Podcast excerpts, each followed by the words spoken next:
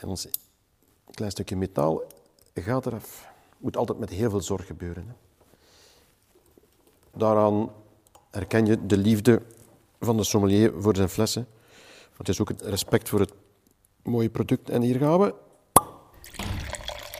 Fantastisch mooie Sancerre.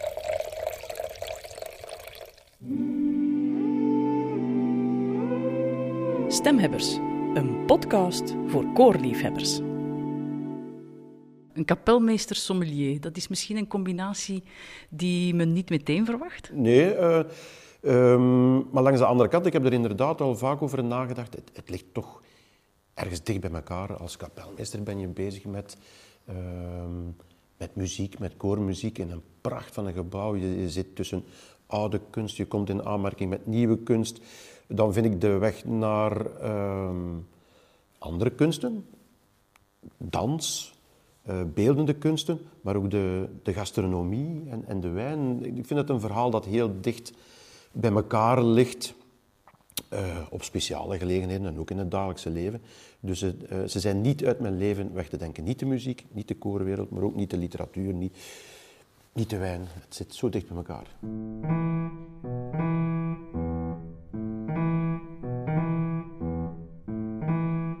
Deze tweede aflevering ontvangt Sebastiaan van Steenbergen ons niet in zijn kathedraal, maar de kapelmeester van Antwerpen verkiest de kelders van een voormalige ijsfabriek. Terroir, zijn ideale plek om wijn te proeven. Via zijn grootvader werd hij ingewijd in de muziek.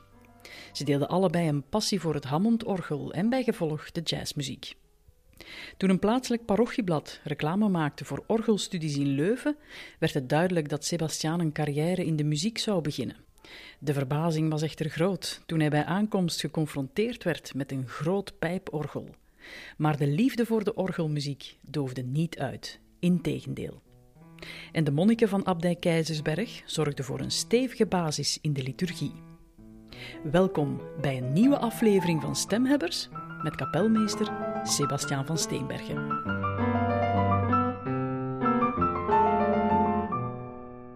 Kan je je nog het moment herinneren dat je tot kapelmeester van de Antwerpse kathedraal werd benoemd? Um, perfect.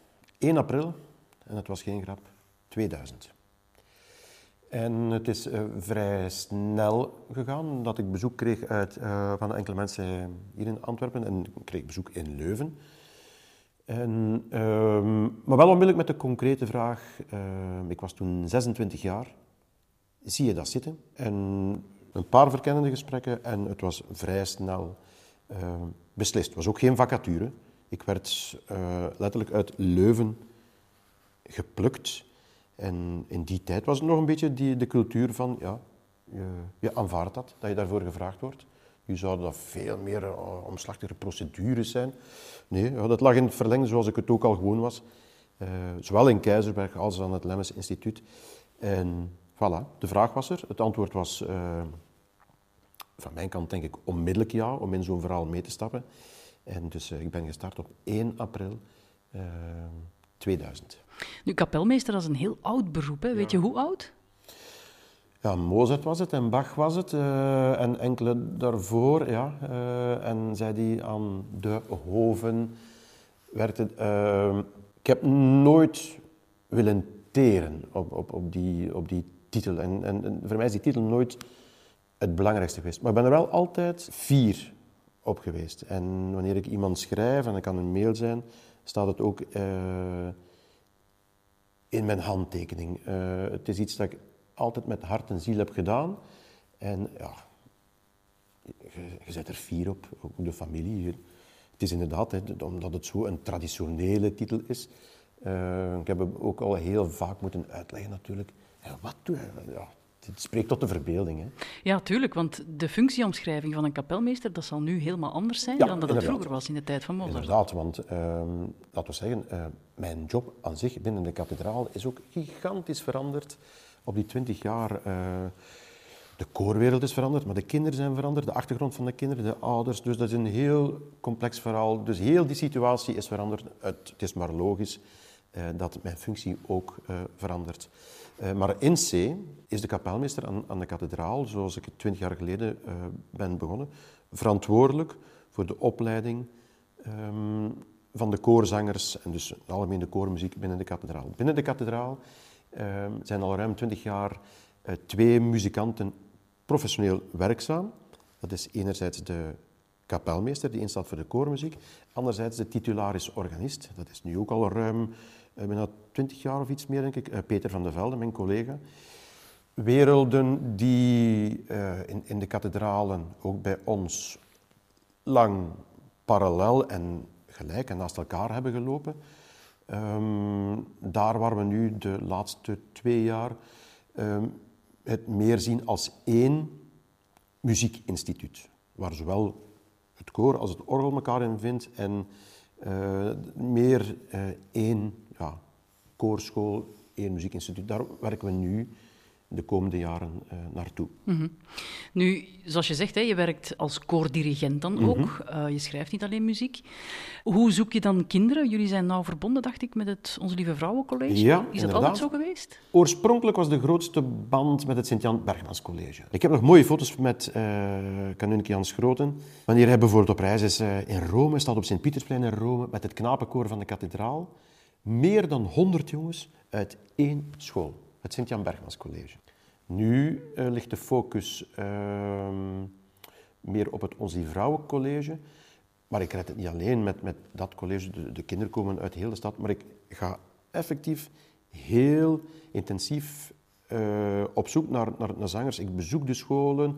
Ik organiseer van alles om de kinderen... Ja, het is geen mooi woord, te recruteren. Um, hoe gaat dat in zijn werk? Dat is uh, jarenlang eigenlijk hetzelfde patroon. Ik bezoek in, in, september scholen. Ik stel het koor voor. Uh, natuurlijk met zijn meest uh, aantrekkelijke facetten. Ik ga niet zeggen dat ze zoveel uur per week moeten repeteren. Ik zeg er wel iets van. Maar ik vertel natuurlijk over de fantastische koorreizen en opnames en alles wat het koorleven in, van een kathedraalkoorzanger fantastisch maakt. In de hoop ze zo te verleiden. Dan worden de kinderen uitgenodigd op een uh, open repetitiedag, waar dat ze kunnen met hun ouders kennis maken met het koor, kunnen al eens meezingen, en letterlijk tussen de zangers zitten. En dan komt nog een volgende stap. Dan worden ze uitgenodigd op een kennismakings driedaagse. Want het leven van een, een kathedraalkoorzanger uh, is toch intensief. Er wordt veel gerepeteerd, er wordt soms veel gevraagd. Met elke dag diensten, soms meerdere diensten per dag. Uh, dan moet je echt wel kinderen hebben die zich kunnen engageren, kunnen werken, kunnen samenwerken. En die eerste drie dagen, die meestal doorgaan in um, een abdij. Dat kan Vaalbeek zijn bij Leuven, vroeger was het de abdij Tongerlo. Uh, een, een, centrum waar, waar, ze samen kunnen werken, sporten, waar je even met die groep op je gemak zit. En dat ze elkaar kunnen leren kennen. En meestal wordt de knoop daar doorgehakt door het merendeel van de kinderen. En dan hebben ze een aanloopperiode tot kerstmis. En dan laten we zeggen, na kerstmis worden ze volwaardig zanger binnen het kathedraalkoor. Dus er gaat een traject aan vooraf. Maar ze moeten wel allemaal gedoopt zijn. Zeker vanaf, uh, laten we zeggen, uh, de weg die we nu afleggen in het kathedraalkoor. Zeker uh, een, een vereiste. Dat was vroeger niet altijd zo. Kinderen maakten wel eens de, ja, de stap omwille, omwille van de muziek. En, en we, vroegen misschien ook minder, ben je gedoopt of ben je gelovig? Nu, de 99% van onze koorleden zijn gedoopt. Maar met die beweging uh, dat, dat kinderen komen zingen alleen uh, wanneer ze moeten zingen en de rest hun tijd vullen met uh, een strip lezen of op een iPhone spelen, nee, die, die is zeker gedaan. We werken heel bewust binnen ons project de Familia Cathedralis, waarbij dus kinderen die in het koor zingen inderdaad moeten gedoopt zijn. Het is een, een, project waarbij we heel veel facetten van een kathedraal, niet alleen het koor, niet alleen het orgel, maar ook uh, het pastorale poot en, en de catechese, vroeger allemaal aparte hokjes en huizen waren in de kathedraal. Maar ik heb ook al gezegd, alles komt terug samen in eenheid, een, een koorschool. Maar het gaat veel verder dan dat. Het is niet alleen een koorschool, het is eigenlijk een familia cathedralis. En dat is een nieuw project, um, waar we waarin dat we echt geloven, we zijn ervan overtuigd dat dat gaat slagen. We maken het ons niet altijd gemakkelijk. En we willen ook veel meer aan inclusie doen dan dat we mensen uitsluiten. Uh, ik geef daar één voorbeeld van. Uh, binnen onze opleiding hebben we nu een nieuwe opleiding gestart van kleutertjes, derde kleuterklas tot uh, vierde leerjaar. Gratis muziekopleiding die vanuit de kathedraal wordt aangeboden aan alle kinderen van de stad. Los van geloofsovertuiging, welke nationaliteit. Iedereen mag komen meezingen. Uh, kinderen met een Indische achtergrond, met een moslimachtergrond. Het, het boomt. We hebben, zijn in september gestart. We zijn met 80 kinderen um, aan wie wij het aanbieden. Gratis muziekonderwijs. Fantastisch toch?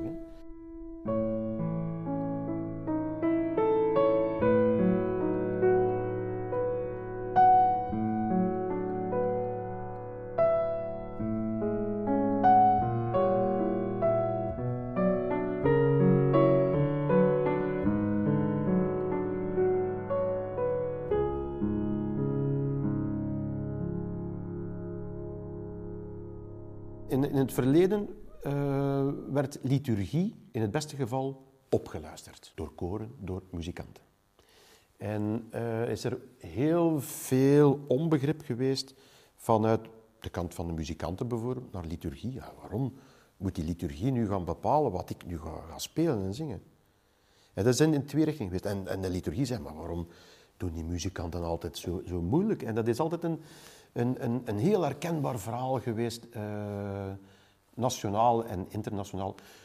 Heel vaak ook vanuit onbegrip, maar onbegrip vanuit de twee werelden. Uh, de liturgie die niet echt goed snapt waar de muziek mee bezig is en de muzikant die niet goed weet waar de liturgie eigenlijk mee bezig is. Terwijl het twee natuurlijk fantastische mooie werelden zijn die perfect uh, samen gaan. En in het verleden is dat ook zo geweest dat er heel veel, denk kathedraalkoorzangers inderdaad zijn geweest, die, dat, die er waren uh, uit liefde voor de muziek. Maar niet uit liefde voor die kathedraal of voor die liturgie. En ergens is dat jammer. Omdat die, uh, net die eenheid het nog mooier en intenser maakt. Uh, er zijn nog vele koren de dag van vandaag, ja, parochiekoren. En ook die, die de mis gaan zingen. Maar waarbij wat er gezongen wordt en hoe het gezongen wordt en hoe het beleefd wordt, niks met het, het geheel te maken heeft. En, en dat is jammer. En dat willen wij um, ja, in onze kathedraal een ander signaal geven. Um, en daar ben ik als muzikant ook moeten in groeien. Ik heb de juiste mensen moeten ontmoeten die me wegwijs maakten in wat liturgie echt is. En ook ik heb daar de beweging moeten maken van, ah nee, het is niet uh, bijvoorbeeld die of die psalm zingen op dat moment. Nee, dat is niet een muzikaal compromis sluiten. Dat is echt doen zoals het moet. En eens dat je die eenheid bereikt en daar dan weer de, de, de schoonheid van beseft en ook de artistieke waarde, want uh, elkaar vinden is geen artistieke toegift doen. Hè.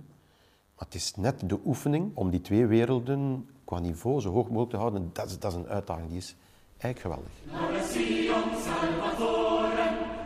Sion Salvatorem, lauda Sion Salvatorem, lauda Sion Salvatorem, la dulcem re pastorem, in ibises canticis, canticis, canticis, canticis, canticis, canticis.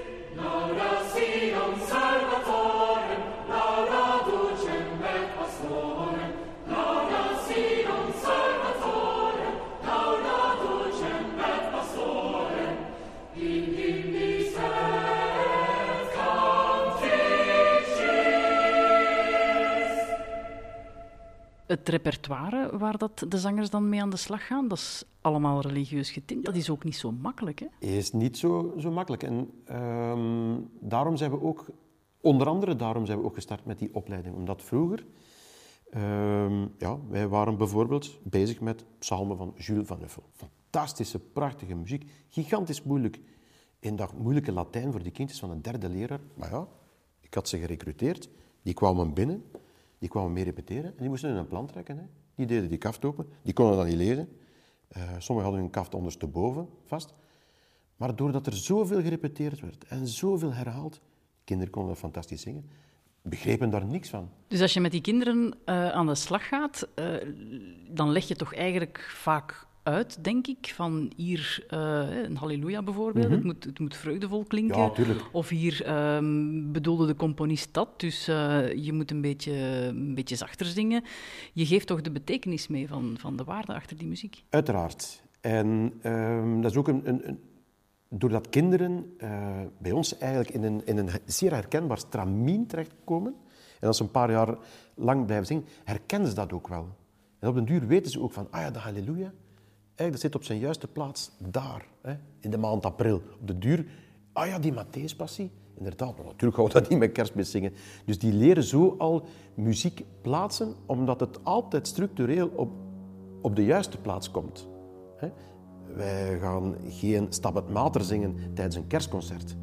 Ik zie soms helaas affiches in de binnenstad, eh, ik zal niet zeggen wie of wat, maar ik zie soms een Stabat Mater geprogrammeerd in de kerstperiode. Ja, dat uh, moet ik niet veel woorden bij, bij vuil maken, maar bij ons weten kinderen, doordat het zodanig herkenbaar in dat patroon komt, um, en dat gaat over wekelijks patroon, dat gaat over maandelijkse patroon en natuurlijk het liturgische jaar. Dat maakt dat muziek voor hun herkenbaar wordt. Waarom? Welke muziek? Um, zoals Fiek Nees ook ooit eens zei, van, uh, van polyfonie te zingen is nog geen enkel kind ziek geworden. Hoor. Natuurlijk zijn de pedagogische omstandigheden enorm nu, nu anders. Um, maar het is inderdaad niet gemakkelijk. Maar het is onze taak als, als dirigent om die liefde voor die prachtige, moeilijke muziek door te geven. En ik moet wel zeggen, soms is er niet veel voor nodig. Doet de muziek dat zelf. Ik kan ze een voorbeeldje geven. Het was een van mijn meisjes. En dan een voorbeeld dat ik nooit vergeet. Een van mijn meisjes in de meisjeskantorij. En echt poppemieke, uh, voor wie de meer. En shoppen en er goed uitzien. En alles wat je van een meisje verwacht op, op 16-jarige leeftijd, heel dat plaatje klopt. Totdat hij zei, ja, weet je, in het koor noemen ze me Sebbe, Sebbe, die popmuziek op de radio, dat zegt me niks.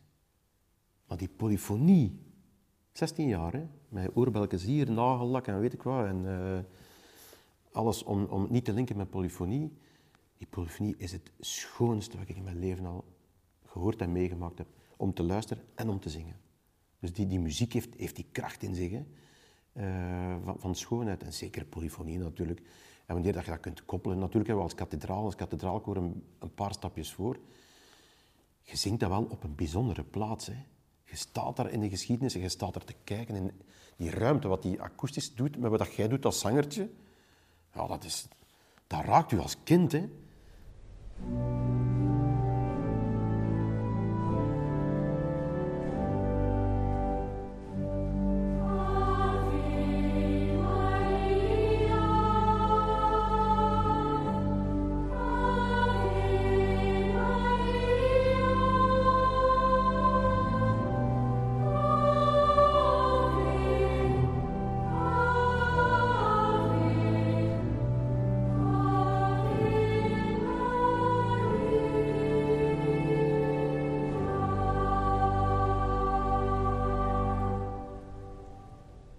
Die kinderen, het moet vaak snel gaan, werken wij heel vaak uh, in het principe voorzingen, nazingen.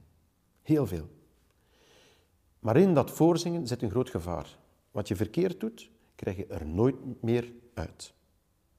Dat wil zeggen dat ik als dirigent heel goed al twintig jaar uh, ja, alles moet voorzingen, maar niet alleen de noten. Hè.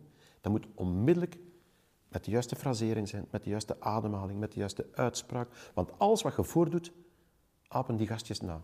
Die apen alles na, ook wat je verkeerd doet. hebben ze, wat hebben ze dan mee? De structuur van de muziek. Je moet dat niet meer uitleggen. Je hebt die structuur al gerepeteerd. Ze ervaren die structuur organisch. De juiste uitspraak is er, uh, in het beste geval ook de juiste klank. Natuurlijk kan ik niet alles, hè. moet ik uh, mij laten bijstaan als dat nodig is. En dat doen we ook door, door vocal coaches.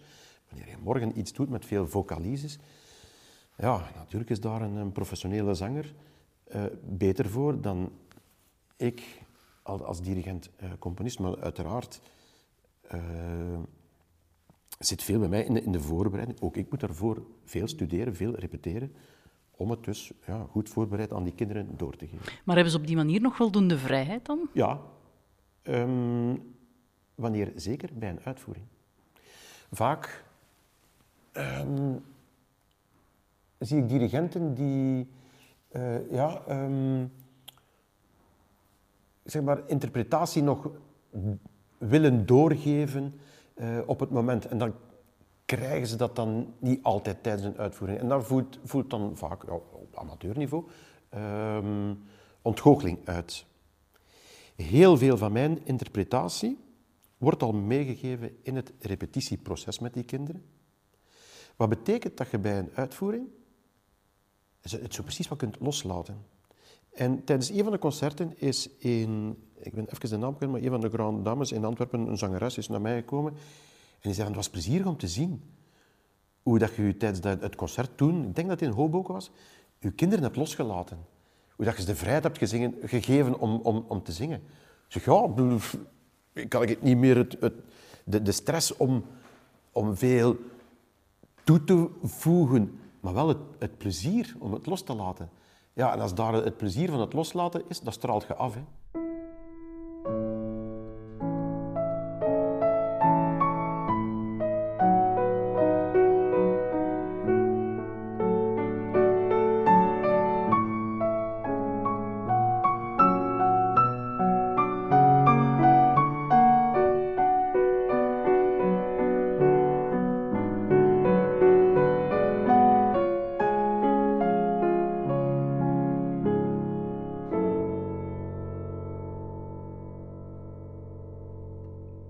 Laten we even teruggaan naar het muziekonderwijs. Je, mhm. geeft, je hebt net gezegd dat je ook lesgeeft in de lagere school. Lagere school en kleuters. En de kleuters. Ja.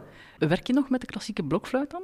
Nee, ik vind blokfluit een fantastisch instrument. Supermooi.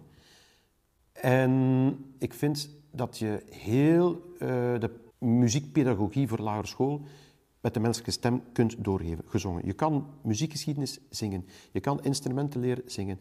Uh, kinderen moeten zoveel met die stem bezig zijn, omdat we ze anders kwijt zijn voor onze koorwereld. En hoe vroeger, hoe beter. En hoe hoger, hoe beter. Ik kan het niet genoeg zeggen. Maar ook het aanbod van de literatuur is te laag. En ook, sorry, te Hollands. Ik ben een grote fan van kapitein Winocchio, die doet fantastische dingen. Maar die liedjes, als je dat zingt in de klas met kinderen, ja, dat is een mannenstem, dat is veel te laag. Terwijl een goed kinderlied moet echt, dat moet de hoogte in. En uh, ja, pleidooi voor zingen. Maar je bent kapelmeester, je componeert ook. Dan is dat ook een taak die bij jou ligt, of niet? Uiteraard. Ik componeer ook uh, de nodige muziek. Niet alleen voor het kathedraalkoor, maar ook um, voor school. En ook gelukkig uh, veel in opdracht van uh, koor en stem, met dan specifiek voor bepaalde bundeltjes of, of voor kinderkoren.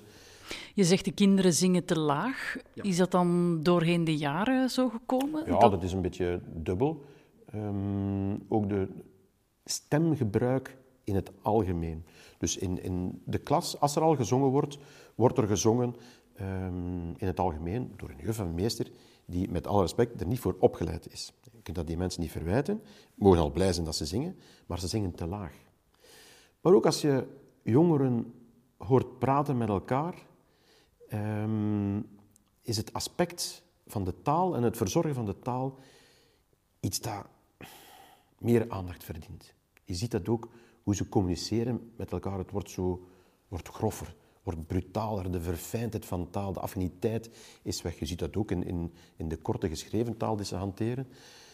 Maar ook hoe dat ze, de manier waarop ze spreken tegen elkaar. En dat is iets waar ik me ook uh, ja, als pedagoog als een verantwoordelijkheid zie om kinderen en jongeren daarop, jongeren daarop te wijzen hoe ze verbaal omgaan met elkaar.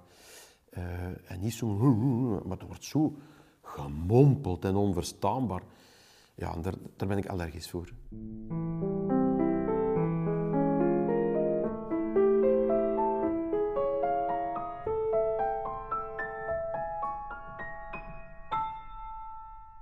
Heb jij zoiets als een lijfstuk? Oh, weet je, met, met, weet je, met dat soort vragen heb ik het dus altijd heel moeilijk. Hè. Het, het, is alsof ik er nooit kan op antwoorden. Als je mij vraagt, heb je een favoriet koor? Heb je een favoriete zanger? Heb je een favoriete componist? Heb je een favoriete stijl?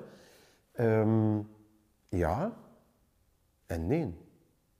Um, het is misschien hetzelfde als met de wijn, afhankelijk van ja, in, inderdaad. En um, ook, bij componisten. Stel nu bij, componisten. Ik hoorde daarnet uh, nog, Mendelssohn. En natuurlijk is mijn aller, aller, aller favoriet, dat kan toch niet anders, Bach. Omdat het zo onmenselijk goed is. ja, als ik morgen een, een fantastische serenade hoor of, of, iets met een klarinet, uh, bij, bij, bij, Mozart, Beethoven, ja natuurlijk, maar weet je, daar moeten we niet over spreken. Uiteraard is Bach mijn lievelingscomponist, maar ik spreek er dan beter niet over. Uh, misschien is het wel Mendelssohn of, of Brahms. Ik, van de componisten die mij uit de, uit de, grote geschiedenis het meeste ontroeren, blijkt het vaak ja, Mendelssohn te zijn.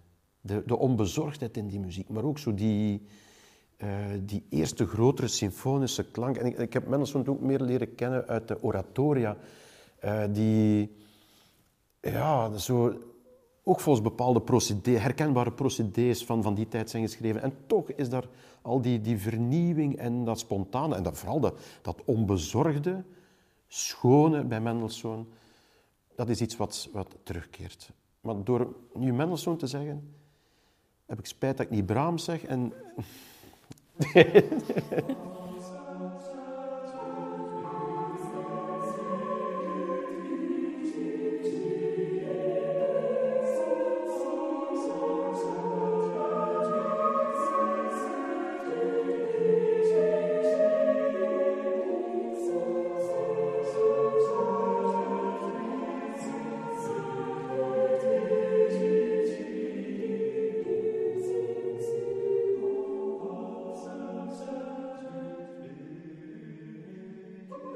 Ben je gelukkig? Ja, heel gelukkig. Ik ben uh, vooral gelukkig dat we op het idee zijn gekomen van dit nieuwe project.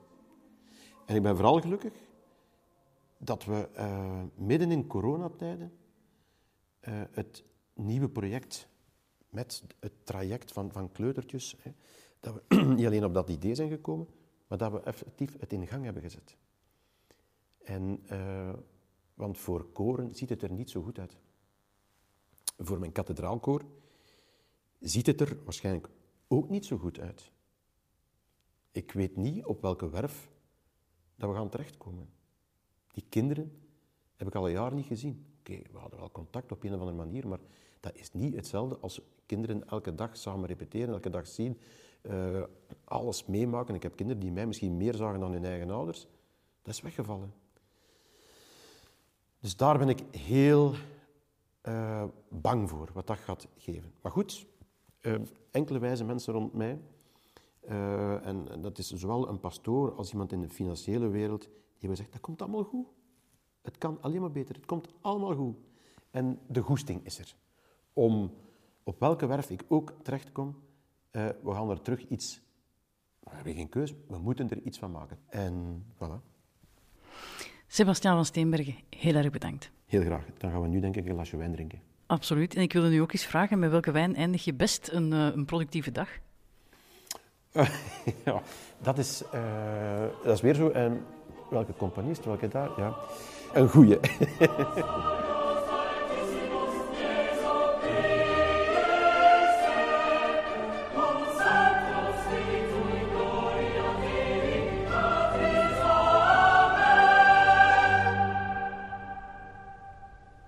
Je luisterde naar Stemhebbers, een podcast van mezelf, Evita Nocent en Ans de Bremme voor Koor en Stem. Veel dank aan Sebastiaan van Steenbergen, Govaert Taché, Nicolas Callot en Vincent Hermans van Wijnhandel Terwaar. De muziek was van onze gast, Sebastiaan van Steenbergen, en het Antwerps Kathedraalkoor. Je hoorde ook vocaalensemble Musa Horti en pianoversies van liedjes voor de slaaplozen van Vic Nees. Noah Thijs maakte ook deze keer onze jingles. Volgende keer in Stemhebbers. Den Schiffer im kleinen Schiffer, er greift es met veel weh. De eerste productie dat ik echt heb meegedaan in een opera, dat was La Damnation de Faust. Ik vond dat super zot. Dat eindbeeld waar dat wij in meededen, dat was eigenlijk... Het volwassen koor lag als één grote stapel in het midden eigenlijk allemaal, ja, die moesten lijken voorstellen. Was zo één grote lijkhoop. En wij stonden daar allemaal als kleine Joodse kindjes langs. In zo een heel rij. En dat beeld, dat is magnifiek. En ik denk dat gewoon dat gevoel van daar zo te staan. En ja, je kreeg zo zelf al bijna kippenvel van heel die setting. Ik denk dat ik dat nooit ga vergeten. Stemhebbers een podcast voor koorliefhebbers.